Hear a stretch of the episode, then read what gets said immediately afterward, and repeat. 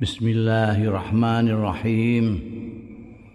Qala al-muallif rahimahullah wa nafa'ana bihi wa bi ulumihi fid dharain amin. Faslun fi kalami Abdullah wa mawa'idhih. Iki pasal ing dalem nerangake pangandikane sahabat Abdullah bin Mas'ud wa mau'idhih. Lan nasihat-nasihate Abdullah radhiyallahu anhu. Kala ngendika sapa Abdullah radhiyallahu anhu.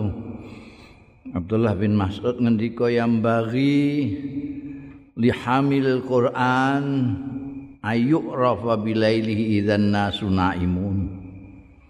Prayoga li hamilil Quran.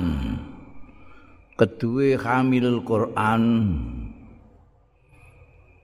Mungkin istilahnya hafizul Quran sing asli ini hamil Quran itu sing ngapal Quran sing mengerti Quran sing menghayati Quran sing ngamalno Quran kaya beliau sendiri Abdullah bin Mas'ud prayoga li hamilil Quran kedua hamilul Quran. Pembawa Al-Quran. Apa ayu rafa? Yen to dikenal ya hamilul Quran. Bilailihi kelawan bengine hamilul Quran. Idzan nas nalikane wong-wong iku naimuna padha turu kabeh Wabina hari hilan kawan awane hamilul Quran. Idan nasu tetkalane menuso Yuftiru na podora poso kabeh.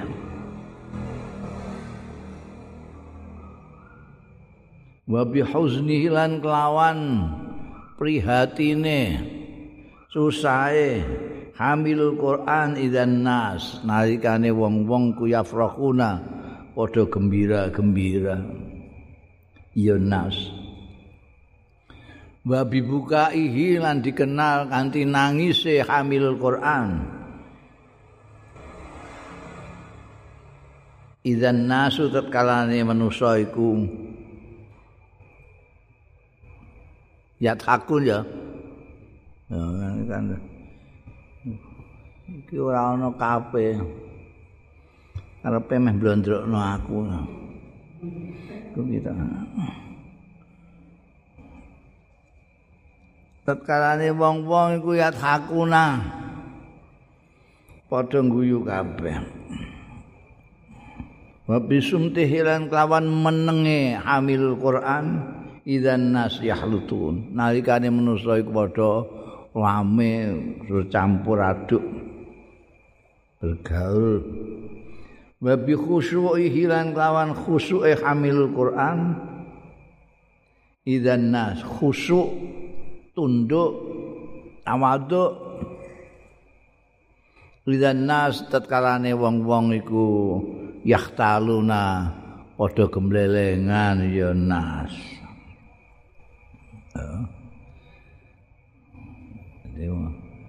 Mestinya ya sebaiknya sebaiknya seyuk seyuk jana hamilul Quran harus beda dengan orang-orang lain. Kita bisa membedakan hamilul Quran itu dengan membandingkan dengan orang-orang. Dan ora terus hamilul Quran bean yang tidak ngerti Quran sama yang ngerti Quran kok padha iku piye? Antarane santri mbek santri kok padha nguyohe ning dalan padha kabeh. Sing ora santri ya aling-alingan truk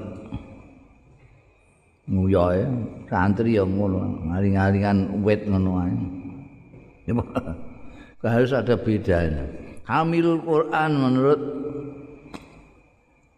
Sayyidina Abdullah bin Mas'ud itu mestinya harus diketahui. Nek bengi wayahe wong turu nek mlek dhewe. Krungu iki pakai ngelala Quran maca Quran. Awane wong-wong do ora poso dene poso dhewe eh. Wayahe wong do cekekek-cekekek gembira ndine prihatin dhewe mergo yang dipikirkan lain dengan orang-orang. Orang-orang yang dipikirkan dunia tok ae. Ini yang dipikirkan akhirat wong do guyu-guyu ndine nangis dhewe. Ketok dadi bisa diketahui. Wong do rame berkerumun ini meneng bisa dibedakan. Liane do petentengan do petakilan do kaya-kaya hebat dhewe ini tunduk awaduk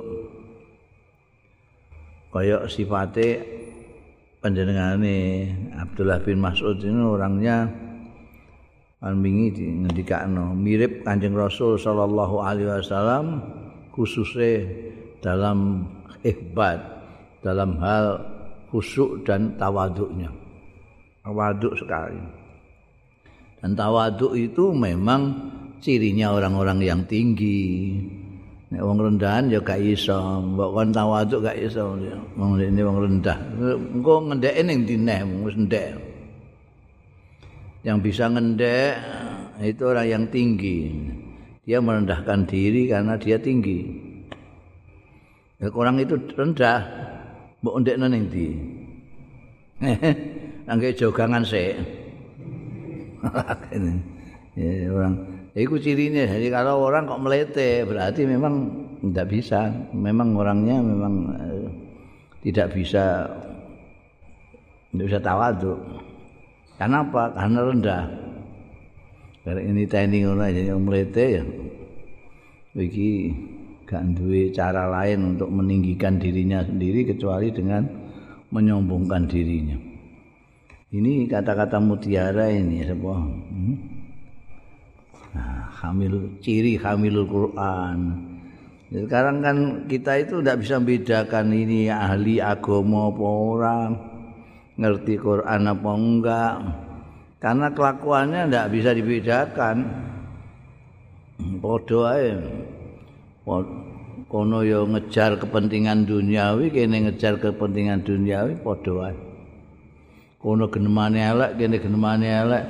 Bedane terus apa? Sing ngerti Quran yang tidak ngerti Quran. Mesti harus beda. Wa qala lan dawuh sapa Abdullah bin Mas'ud Inni la akrah. Inni la akrah ustune ingsun la akrah ora seneng sapa ingsun Gedeng itu ora seneng sapa ingsun. An ara yen to ningali sapa ingsun arrajula ing wong lanang. Tak tingali kok farigon nganggur. La fi amali dunya ora ning ngamal dunya wala fi amalil akhirat lan ora ning ngamal akhirat. Aku gedeg ndelok wong. Wong kok nganggur-nggur. Ya ora nyambut gawe perkara dunya ya ora perkara akhirat ku terus lah apa eh? Ana wong nganggur-nggur. Ora melakukan sesuatu untuk dunianya ya ora, untuk akhiratnya ya ora. Ana ning ngene iku ya ana. Janji ora nyambut gawe ora ngasilno sesuatu yang duniawi berarti tidak ngamal duniawi. Nek orang ibadah ora apa ya ora ngamal akhirat kan gitu. Wa qala lan dawuh sapa Abdullah bin Mas'ud La alfiyanna ahadakum jifata lailin Ora nemu temenan sapa ingsun ahadakum ing orang salah sijine sira kabeh jifata lailin batang bengi kutru punaharin lan semut awan. Kotrop itu semut ireng. Semut ireng sing berbondong-bondong golek upa, ora ana rene iku kotruk. Iku lane ana alipe apa gak ngwem? Pak Alfian apa la Alfian? Eh, ana alipe ya. Ya. mengharap tidak sampai ngenumoni ana. Nek ana alipe berarti beliau mengharapkan tidak ketemu sama orang nek bengi kaya batang ora apa-apa mbayang ya ora deres ya ora melek mutala ya ora terus kaya batang blok-blok ya turu mak srek bengi ngebluk kaya batang. Nek esuk kruyul-kruyul kaya semut ireng. Eh semut ireng. Nglumpukno upa diwarana dilebokno ning kene lenge ngono ning kene mbok dipangan mbok ora iku. Pokoke nglumpukno. Yo bine kotrep itu semut ireng iku senengane nglumpukno eh ana wong ku senengane nglumpukno barange numpuk berase berkarung-karung padahal mangane mau telung piring paling akeh sedina. Kowe nglumpukno kepangan ana sing ora. Iku kotrub. Al kotrub an-namlu sud al-kibar. Kotrub iku semut ireng sing gedhe. Takunu sing ana ya namlu sud fil mafawiz sing dalem ora-ora niku panggonan ter padang terbuka. Tangkulu mindah ya namel al hububa ing wiji-wijian ila jukhriha maring lenge namel. Parubama tangkulu sayan kathiron terkadang mindah iya namel sayan ing sesuatu kathiran sing akeh ana jiko neh jiko neh jiko neh lepokno ning lenge tapi wala takulu minha lan ora mangan. Sapa namel minha saking sing akeh mau ilayasiran kejaba sithik. Sing dipangan mok sithik sing dikumpulno semono akeh iku dipangan mok sithik. Ana wong sing ngono iku nek bengi kaya batang nek awan sibuk mencari sesuatu yang ternyata dikonsumsi yang dikonsumsi hanya sebagian kecil saja. Ora sumpun wong-wong sing eh yang koruptor-koruptor barang ngono pikir ini kan kayak semut ireng iki. Dia itu ngapain dia itu sudah cukup semua. Tidak ada koruptor yang tidak cukup tidak ada.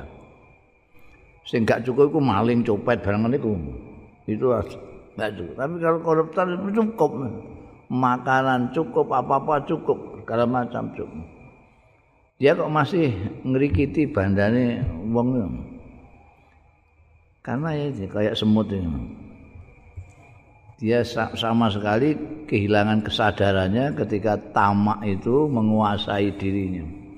Tamak itu kalau sudah menguasai dirinya orang lupa diri. Orang lupa ngitung secara nalar lupa.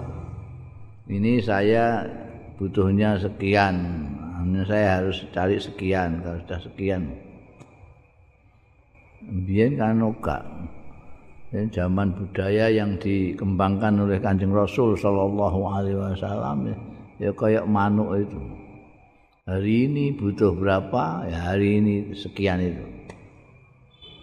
Karena hal-hal yang lain lebih penting daripada ngurusi kebutuhan-kebutuhan Eh, eh,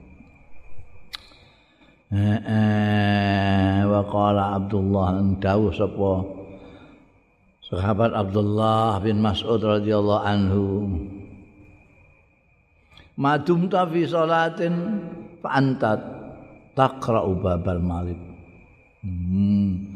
selagi ana sira madum ta selagi ana sira. Fi salatin ing dalam sembayang fa anta mongko ta sira iku takra'u babal malik. Berarti kowe iku lagi ndodok lawange sang raja. Wa may yaqra'u baba al malik sapane wong sing ndodok ya man babal maliki ing lawange raja yuftahu lahu mongko dibuka no apa lahu man. Ya kowe iku kalau sedang sholat itu sama dengan kamu itu ndodok lawang. Sang maharaja dodok. Kowe sholat terus berdodok terus. Ah. mesti dibuka nong ndodok nong eh? Apa meneh? Sang rajane iki Ar-Rahman Ar-Rahim Al-Latif al oh, sang penyayang, sang pengasih. Ngono dodok-dodok yang mosok gak dibuka no lawang. Ya ono ya ini dodok-dodok. Nah nek gak salat kebalikannya ya nek kita mahfur mukhalafa nek gak tahu salat ya gak tahu dodok-dodok. Bagaimana mau dibukakan pintu ndodok kae ora. Madum ta fi salatin fa anta taqra'u babal malik. Amma yaqra'u babal malik utihala yuftahu lahu. Wah, iki sembok gawe status Facebook. Wa qala laisa al-ilmu bi kasrati riwayah walakin al-ilmu al-khasyah. Dawe sahabat Abdullah bin Mas'ud laisal ilmu. Ora ilmu iku bikasrati riwayah. Sebab akeh riwayat an anakku dengar dari an an an, an. walakinnal ilm angin tapi ning ilmu iku al khasyatu khasyah jadi ilmu itu bukan ilmunya itu sendiri ya. Ngejo salah tompong tapi pengaruh ilmu pada diri kita itu yang penting. Bukan ilmunya saya saya punya banyak ilmu tapi sikap kita kepada Tuhan sama saja dengan orang yang tidak berilmu. Ini apa.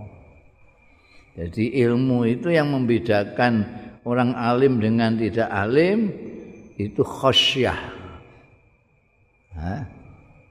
innama yakhsyallaha min ibadihi al-ulama. Orang-orang yang berilmu orang-orang yang alim itu ya yang takut kepada Allah. Makanya sahabat Abdullah bin Mas'ud ngendika al ilmu la bikasrati riwayah balakin al ilmu al khasyah jadi ya perbedaannya orang alim dengan yang tidak alim ada khosyahnya kepada Allah Subhanahu wa taala. Kalau khosyahnya, akutnya, segannya, sungkane embek Gusti Allah kok padha karo wong bodho-bodho ya. Itu terus ngopong ilmu itu. Semakin orang berilmu semakin dia itu tunduk semakin dia takut semakin khosyah kepada Allah Subhanahu wa taala. Semakin bodoh semakin jauh semakin kurang ajar semakin enggak wedi mek Gusti Allah. Mari kita mencari ilmu itu ben kita bisa mengenal Gusti Allah, mengenal Gusti Allah kita menjadi takwa kepada Allah taala.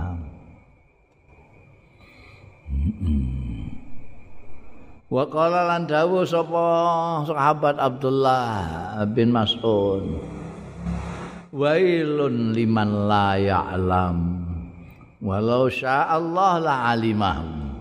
La 'allamahu. Wailun liman ya'lam tsumma la ya'mal. Wailun wis cilaka mencit tenan wailun cilaka iku cilaka liman tumrape wong layak lamu sing ora ngerti ora duwe ilmu wong gak duwe ilmu itu sakit tenan Mergo berarti ora diparingi karo Gusti Allah. Walau sya Allah. Lamun ngesake sapa Allah Gusti Allah la allamahu yakti ndadekno ngalim sapa Allah hu ing man. Ya, ya apa kok gak didadekno ngalim itu artinya pancen ora dikesakno Gusti Allah. Tapi wis cilakane wailun liman ya'lam cilaka mencit liman tumraping wong ya'lamu sing ngerti sing ngalim sumala ya'mal monggo keri-keri ora ngamalno. Ngendika ngono iku antek sab amaratin ping pitu. Wailun liman la ya'lam walau sya Allah la alamahu wailun liman la ya'mal thumma la ya'mal. Nah. Duwe ilmu tapi ora ngamalno. Jadi ini memang jadi anu itu satu tarikan napas antaranya mencari ilmu dan mengamalkan ilmu. Ada orang itu yang ya mau golek ilmu tak terus tidak diamalkan ilmunya. Ada ilmu itu dicari untuk diajarkan lagi. Itu bukan diamalkan namanya. Itu nasrul ilmi. Jadi kamu belajar, terus kamu ngalim, terus kamu ajarkan lagi, itu namanya bukan mengamalkan ilmu, tapi nasrul ilmi. Kamu belajar nahwu, sarab, kamu menguasai nahwu sarab, terus nanti kamu pulang kamu ajarkan nahu sorob itu namanya kamu mengembangkan nasrul ilmi. Kamu mempelajari nahu sorob terus kamu buat untuk membaca kitab itu namanya ngamal nong ilmu nahu sorob kamu mempelajari Al-Quran kemudian nanti kamu ajarkan lagi di rumah kamu kamu namanya nasul Quran, ngajarkan Al-Quran. Tapi nek kamu pelajari Al-Quran, lalu kamu amalkan isinya Al-Quran itu, maka kamu namanya mengamalkan Al-Quran. Jadi, ono nasul ilmi, ono memanfaatkan ilmu, ono mengamalkan ilmu. Memanfaatkan ilmu ini sing bisa macam-macam. Memanfaatkan ilmu itu iso mbok nggo nasru iso mbok nyambut gawe eh duwe ilmu terus mbok nggo apa jenenge nglamar penggawean saya punya keahlian ini ini ini ini. Itu memanfaatkan ilmu.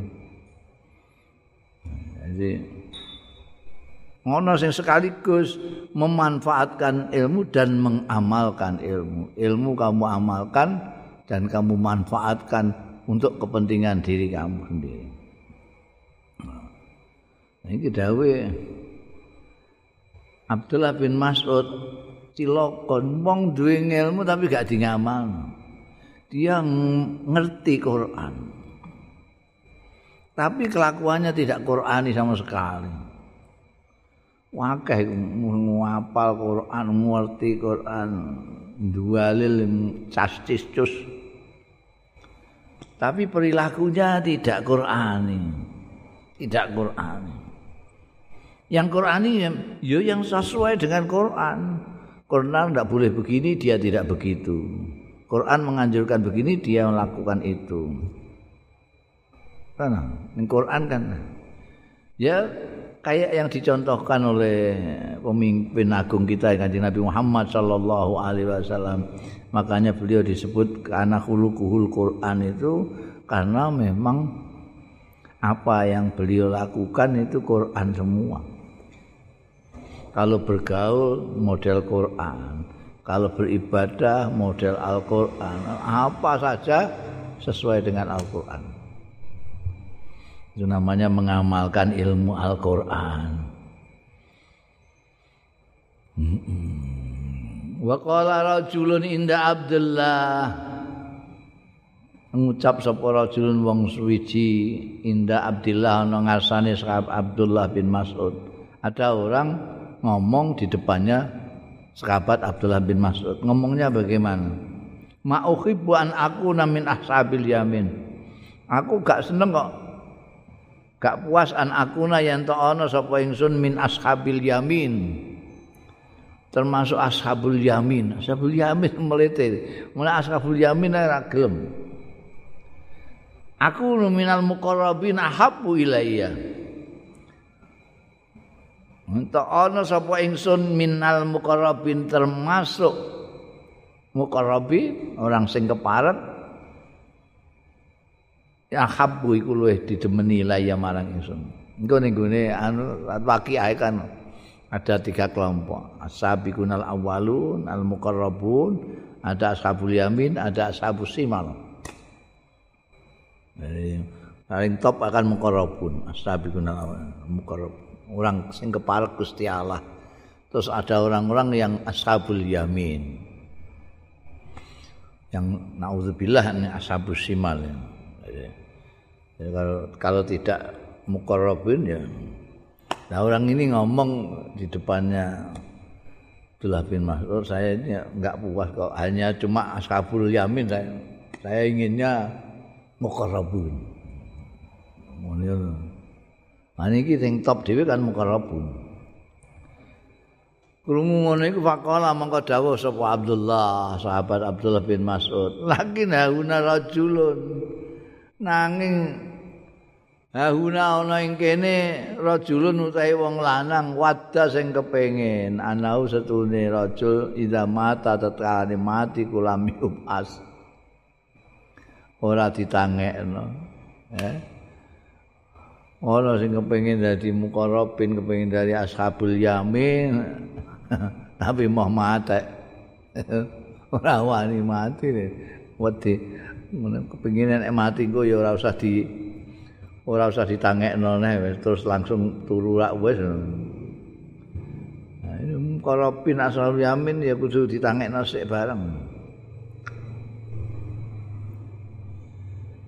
Lakin hauna rajulun wata anahu idza mata lam yub'as.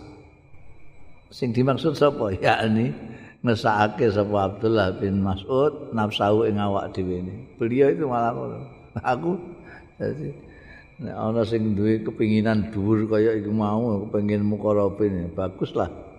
Tapi ning kene iki ana wong sing kepingine iki wis bar mati ya wis ora usah ditangekno. Beliau maksudnya karena apa? Iya nek iya nek ora. Nek ditangekno kemungkinannya kan dua. Dihisap hisape apik. Bisa mukarabin, bisa ashabul yamin. Nek ora iso bahaya kan ini. Lah nek ora ditangekno kan ora diapa-apa no. ora ono ngisap ora apa wis bar.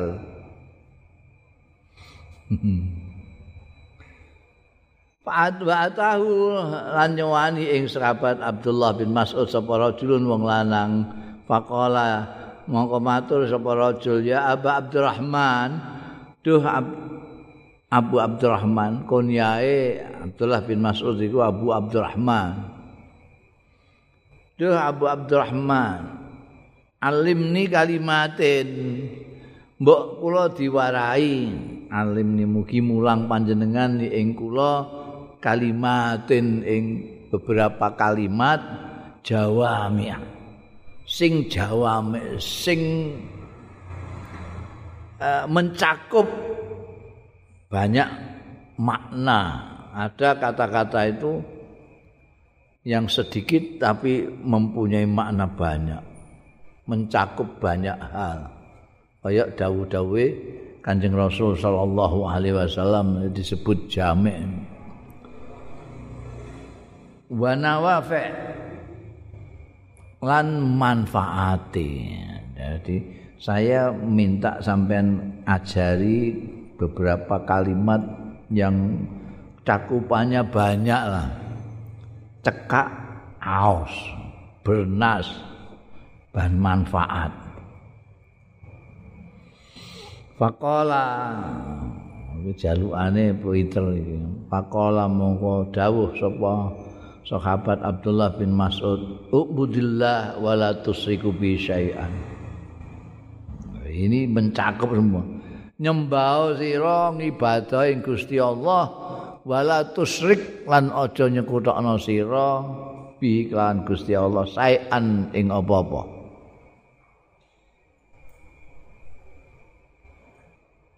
Iki kan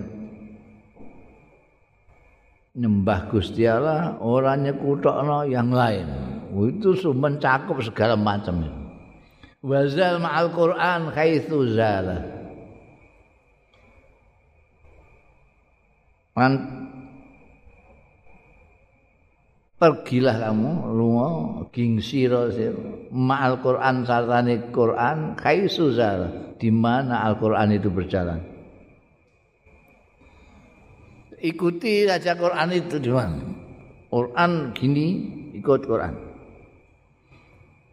Quran selatan kamu selatan, Quran ke barat kamu ke barat, Quran ke timur kamu ke timur. Jangan kamu punya kehendak terus Quran kamu lihat nek cocok kamu bawa kalau enggak terus kamu tinggalkan tidak. Tapi semuanya menggunakan Quran dulu. Pedonyomannya adalah Quran. Quran sana, kamu ke sana. Wa man jaa bika bil haq wa man jaa ka utahe sapane wong sing nekani ya man ka ing sira bil haqqi kelawan kebenaran fakbal minhu. Mongko nampa sira minhu saking man. Wa ing kana baidan baghidan. Senajan to ana ya man, ana iku baidan wong adoh. Artinya bukan keparekmu bukan hopingmu bukan akrabmu bahkan orang jauh. Musuhmu mungkin baidan musuhmu. Wa man jaa bil batil an sapane wong sing teka ya man ka ing sira. Bil batil kan kebatilan fardut alai nolak sira alai ngatasé man wa ing kana habiban senajan ana ya man ana iku habiban kekasihmu koriban keparekmu. Wah ini berat. Berat berat ini. Ya ini Jawa mek nawafek betul. Jadi pertama yang di ngendikakno itu nyembah Gusti Allah tanpa mensekutukan dengan selainnya. Orang yang la ilaha illallah la syarikalah itu orang yang sangat merdeka, orang yang hidupnya bisa enak. Itu orang yang betul-betul merdeka. Nah, orang yang betul-betul merdeka adalah orang yang hanya tunduk kepada Allah Ta'ala dan tidak mensekutukan dengan lain-lain. Bersama Al-Quran di mana-mana, bersama Al-Quran. Mesti enak, mesti meroy enak.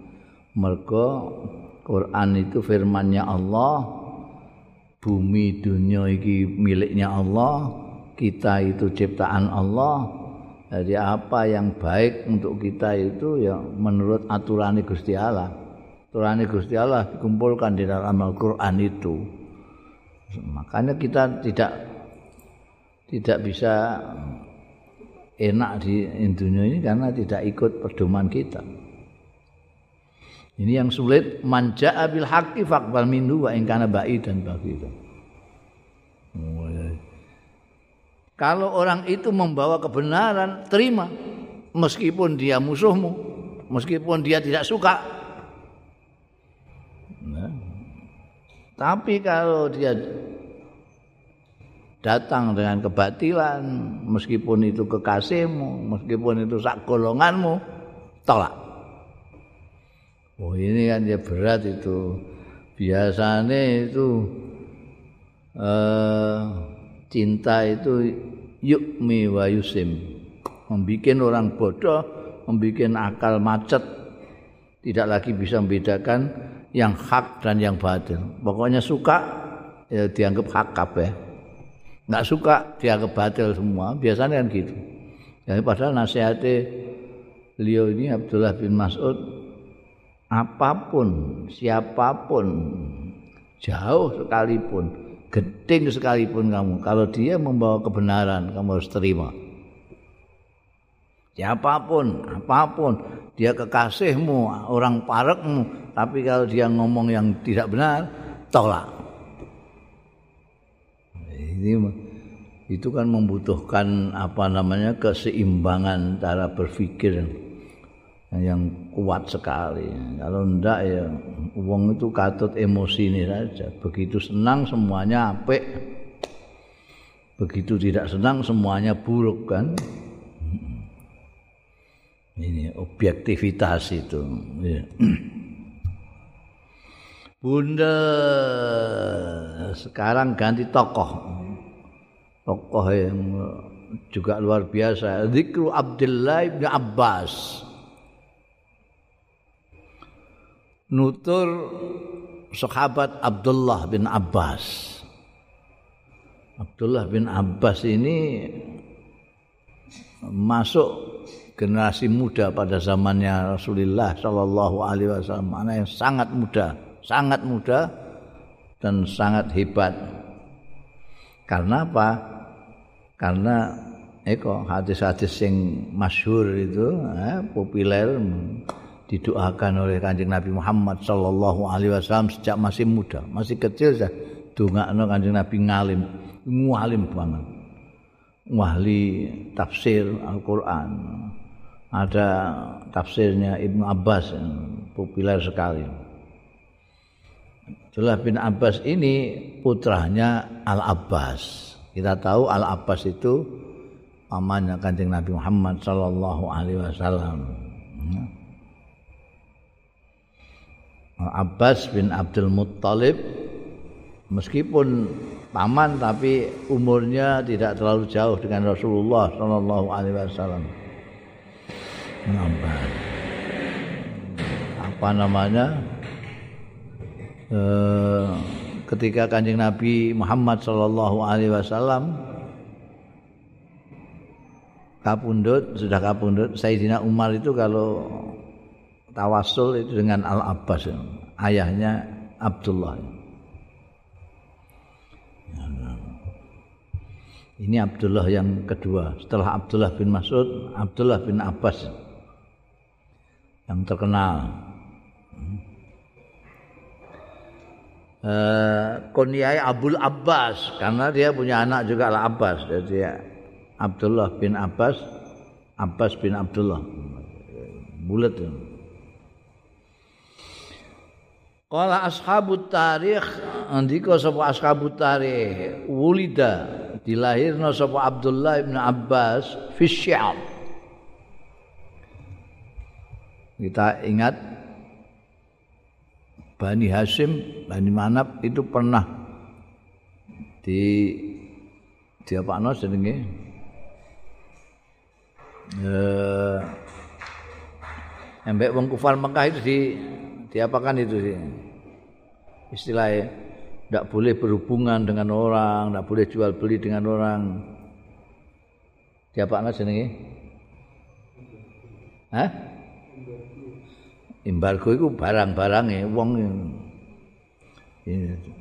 embargo itu barang barang gak oleh masuk masuk itu embargo iki wong ya di ya Pak no, ya. Jadi dia itu di orang lain tidak boleh berhubungan dengan mereka itu. Dengan Bani Hashim tidak boleh. Sampai berapa tahun itu. Wah melarat banget karena mereka tetap tidak mau melepaskan Sayyidina Muhammad sallallahu alaihi wasallam untuk mereka seksual Nah itu pada waktu itu disiap itu. Disiap disiap jadi ada gang khusus untuk mereka ini. Tempat orang-orang Bani Hashim di situ disiap jadi apa namanya? Orang di luar sip tidak bisa tidak boleh ke situ bersama orang kufar Mekah. Dodolannya gak oleh anu. sini mau ke sana juga gak boleh blokade blokade. Itu siap ini. Beliau lahirnya di situ itu. Abdullah bin Abbas.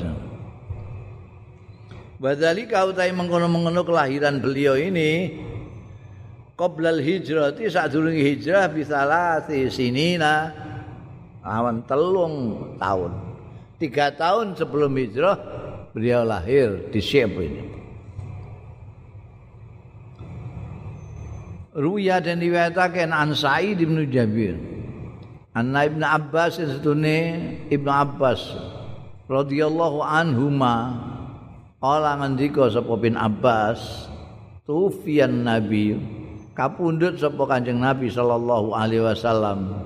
Wa ana khalifah ingsun iku ibnu khamsa asyarata umur 15 tahun jadi bayanglah Ab, sahabat Abdullah bin Abbas ini ditinggal kabudut kanjeng Nabi baru berumur 15 tahun tapi sudah menjadi tokoh yang ngedap-ngedapi pada waktu 15 tahun. Masih sangat muda sekali. Ruya dan diwetake anhu saking Abdullah bin Abbas. Akbal tu aku madhep teko sapa ingsun rakiban hale numpak ala atan ing atase khimar keledai keledai. Atan itu keledai perempuan. Wa ana utai ingsun yauma idzin nalika iku qad nahastul ikhtilam. Temen-temen ngancik sapa ingsun al ikhtilama ing balek ngancik balek pada waktu itu beliau sedang ngancik balek tapi durung balik. Aku numpak keledai. Wa Rasulullah kali utai Kanjeng Rasul sallallahu alaihi wasallam iku yusolli lagi salat bin nasi kelawan wong-wong bimuna ana ing Mina madepe ila ghairi jidarin ora ning tembok. Jadi lepas langsung. Jadi nggak ada tembok di depannya. Salatnya menghadap tidak ke tembok. Pamarartu baina yadai ba'di saf. Mongko liwat sapa ingsun baina yadai ba'di safi ana ing ngarepe sebagian saf panazal tu mongko mudun sapa itu ora enake ngono wae durung balik ya jaji numpak kimar ning apa? Ning ngarepe saf lagi mudun wa arsaltu lan ngeculna sapa ingsun al atana. Ing kimarku iki mau kledhe tak culna tartau ngramban ya atan nggak tak njalno aku mudun terus tak culna ben ngramban. Wa dakhal tulan melbu sapa ingsun fi safi ing dalam saf. Aku terus melok saf melok sembayang kanjeng rasul sallallahu alaihi wasallam. Falam yungkir alayya mongko ora ana sing ingkari zalika mengkono-mengkono kelakuanku mau. Numpak ning ngarepe sop terus lagi mudun melok ning gone sop ora sing ingkar alayya ing atase ingsun sapa akadun wong suwiji? Ndak ada satupun termasuk Kanjeng Rasul juga gak ngalokno aku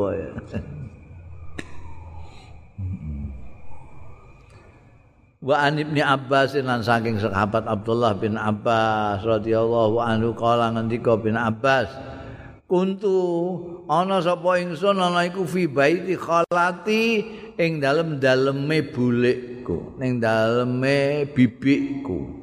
Sapa bibike? Maimunah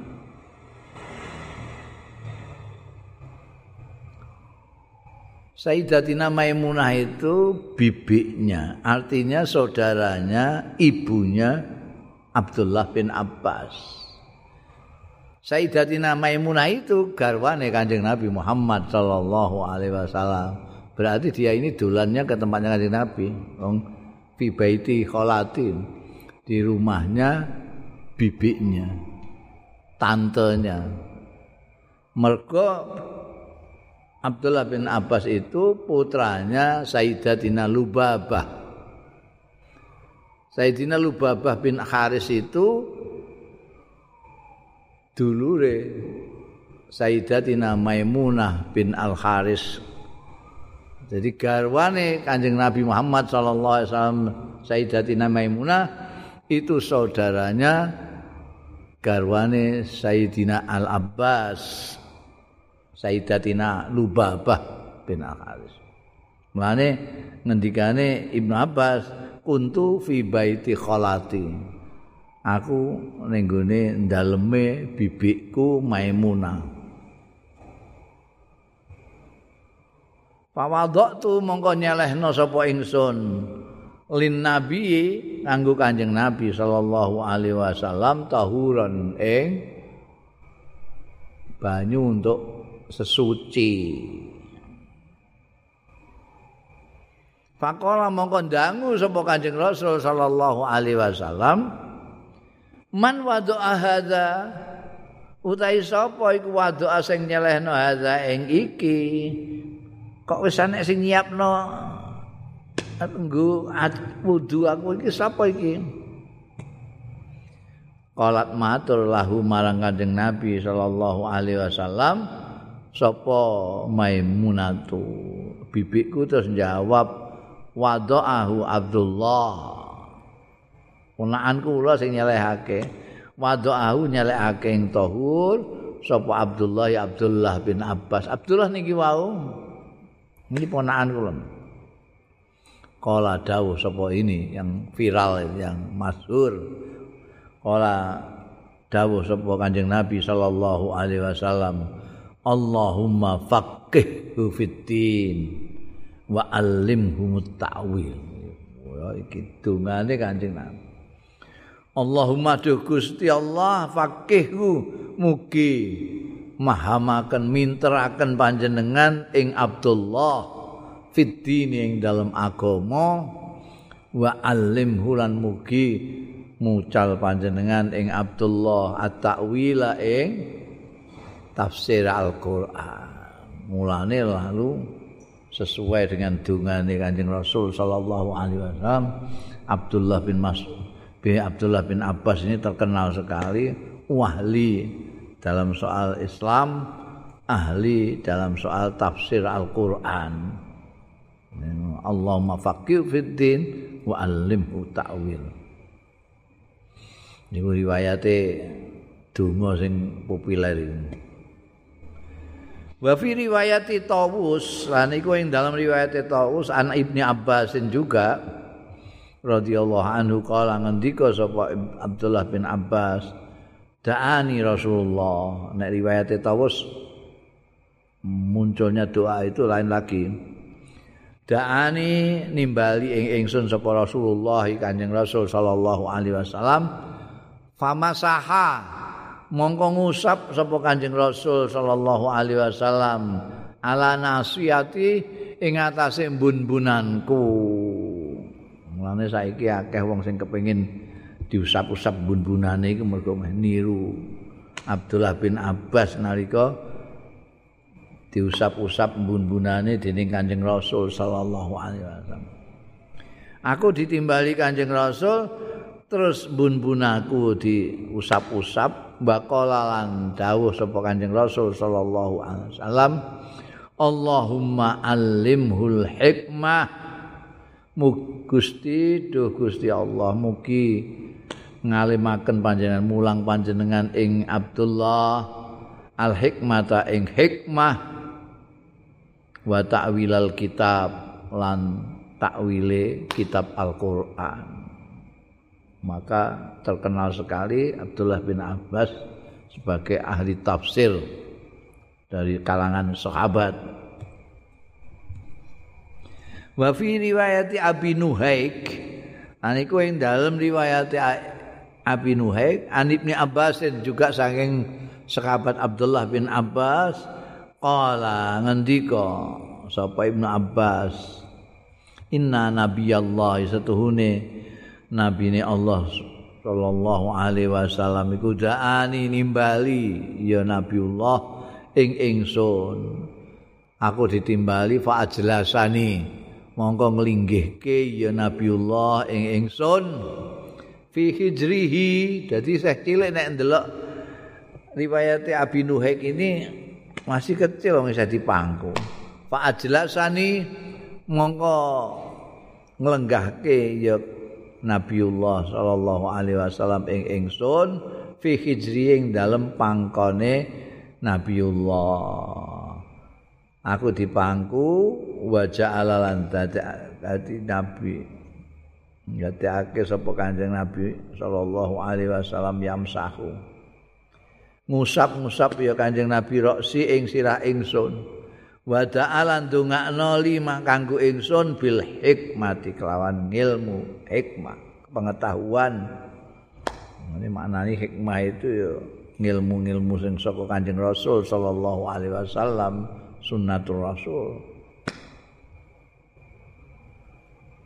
Falam tukhti'ni dakwatu Rasulillah mongko orang luput ing ingsun apa dakwatu Rasulullah sallallahu alaihi wasallam. Maknane apa yang kemudian saya ketahui, saya kuasai itu adalah semua yang didongakno Kanjeng Nabi. Kanjeng Nabi ndongakno aku bil hikmah, aku menguasai hikmah.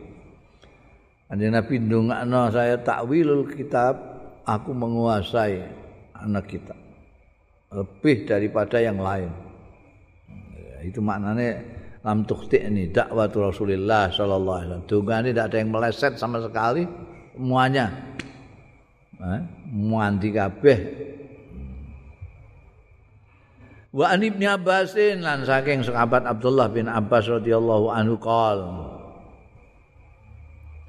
Ngendika sapa Ibnu Abbas intah itu sampai sapa ingsun ila Nabi. Sowan sampai ilan nabi marang kanjeng nabi ila nabiillah marang nabi ni Gusti Allah sallallahu alaihi wasallam. Wa indahu lan iku ana ngarsane kanjeng nabi Jibril malaikat Jibril. Pas saya sampai ke kanjeng nabi beliau sedang dengan Jibril. Faqala lahu Jibril mongko dawuh lahu marang Kanjeng Nabi sallallahu alaihi wasallam sapa Jibril malaikat Jibril innahu kainun khabru hadil ummah. Innahu setuhune ndekne iki bocah iki. Maksude Abdullah bin Abbas innahu iku kainun ana ana iku khabra hadil ummah. Wong pinter-pinter iki umat. Khabar itu tidak hanya pinter, pinter, banget pinter ya Abu. Hebat hebat iki umat. Fastausi bi khairan mongko mengharap baiklah kamu Muhammad bi kelawan Abdullah iki khairan ing bagus. Ya, iki wekase Jibril ning Kanjeng Rasul sallallahu alaihi wasallam tentang Abdullah bin Abbas. Wa an Ammar. An saking Ammar, Ammar bin Yasir. Kala ngendika Ammar, taqala Al-Abbas. Melebu sapa Al-Abbas ala Rasulillah ing atase Kanjeng Rasul sallallahu alaihi wasallam.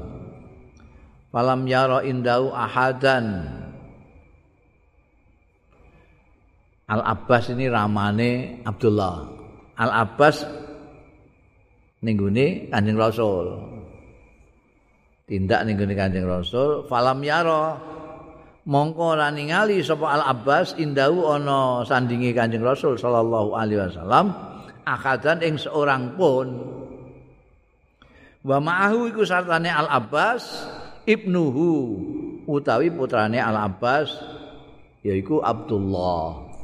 Jadi Sayyidina Abbas ini datang ke Rasulullah Sallallahu Alaihi Wasallam bersama putri putranya yang kecil Abdullah. Pada waktu itu tidak ada siapa pun di tempatnya Rasulullah sallallahu alaihi wasallam. Fakola mongko Ngendika sapa Abdullah, putrane sing cilik iki ngendika, matur ning gone bapake. Laqad itu inda Rasulillah yakti teman-teman ningali sapa ingsun inda Rasulillah ana ing ngasani Rasulullah sallallahu alaihi wasallam rajulan ing seseorang. Niku wau tenggene daleme Kanjeng Rasul kula kok ningali ada seseorang. Padahal Abbas tidak mengatakan tidak ada. tidak ada orang sapun. Malam yaro ain dau akadan. Tapi Al Abbas putranya mengatakan lihat seorang laki-laki. Fakol Al Abbas. Aku matur sapa Al Abbas radhiyallahu an. Ya Rasulullah, matur mek Kanjeng Rasul. Ya Rasulullah, za'ama ibnu Amika. Niki ngapa? Za'ama menganggap apa Ibnu Amika anake paman sampean iki maksudnya Abdullah anaknya sendiri. Anausune Ibnu Amika niku rajulan indaka. Ningali ya Ibnu Ammak. Rajulan wong lanang indaka ana sanding sampean jare ini niki anake anake paman jenengan iki nguni ningali wonten tiyang teng ngene jenengan Pakola menghukum ngendika melok melok ngendika sapa Abdullah. Pakola Abdullah, "Na'am nggih kok. Kula roh kok." Wallazi anzala alaikal kitab laqad ra'aitu. Mergo ramane muni ora roh blas. Jadi dia mengukuhno dengan wallazi anzala alaika. Demi zat kang nurunake ya lazi. Alaika ing atase panjenengan Kanjeng Rasul Alkitab ing kitab Quran. Laqad raaitu yakti teman-teman ningali kula hu ing rajul. Kula ningali saestu. Kala Nabi ngendika sapa Kanjeng Nabi sallallahu alaihi wasallam zalika utahe mengkono-kono rajul sing mbok delok mau iku Jibril malaikat Jibril